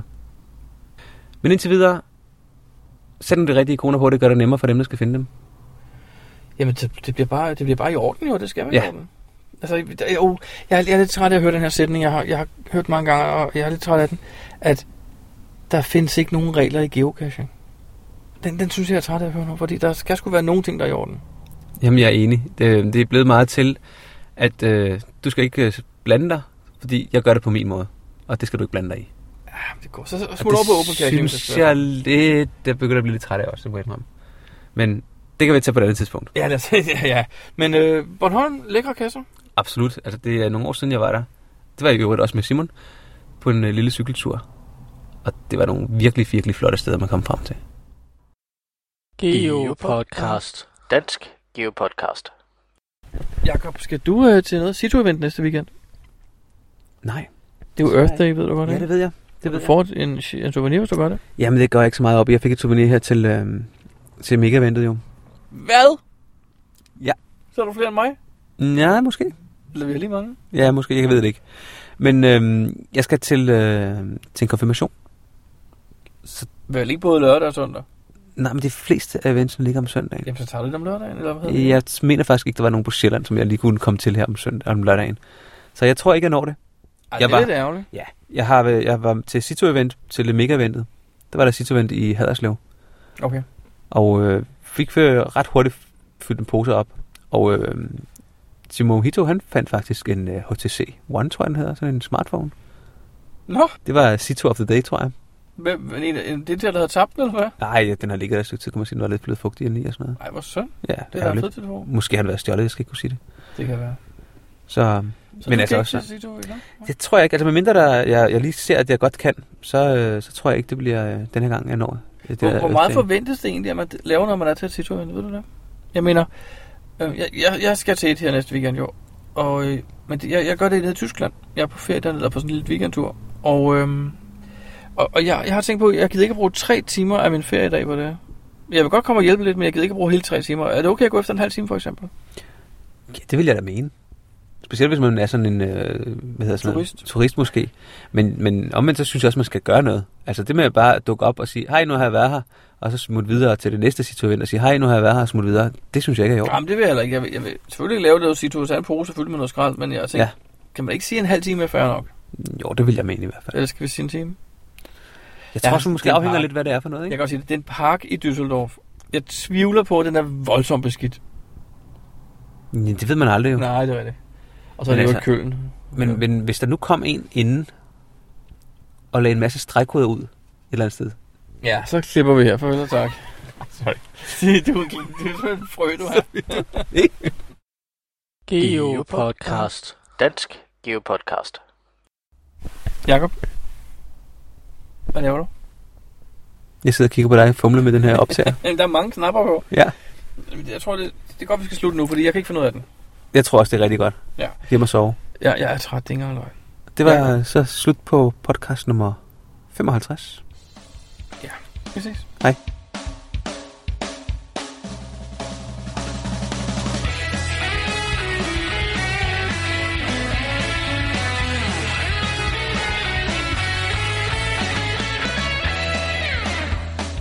Du lytter til Geopodcast, din kilde for alt om geocaching på dansk. Husk at besøge vores hjemmeside, www.geopodcast.dk for links og andet godt. Husk at du kan kontakte os via Skype, e-mail og Facebook. Vi vil elske at få feedback fra dig. Men Jakob, jeg, jeg så et billede på Facebook, hvor du sidder med sådan en, en lille tryllepind eller sådan noget. Hvad, hvad er det? Jamen, det var, det var en eller anden, der kom gående, og så lagde han, den skal du have, sagde han. Og så, jeg ved ikke, om han havde flere. i- Han havde så stor kasse. Var det en blå pind? En blå pind? Nej, det var ikke en blå pind. Det var ikke en blå, nej, det var sådan en lille tryllestav. Jeg ved det ikke. Og den havde jeg, så gik jeg bare, og, og ja, så gik man, og så, når jeg har sådan, det er ligesom at have en kuglepen i hånden, så står man og leger med den. Mm. Og så synes øh, nogen, at der skulle tages et billede af det. Og Det røg på Facebook, jeg så det ved jeg. Og da jeg kom hjem, så lå den tilfældigvis også i min taske, den der ting. Den havde jeg jo så, da jeg var ude og, og, og snakke med nogen, der, øh, Hvem havde været bagmand for at lægge det i din taske? det har jeg enten været Mismus eller Simon, eller dem begge to. Hvor er det dejligt. Ja. Den klædte dig. Ja, tak, tak.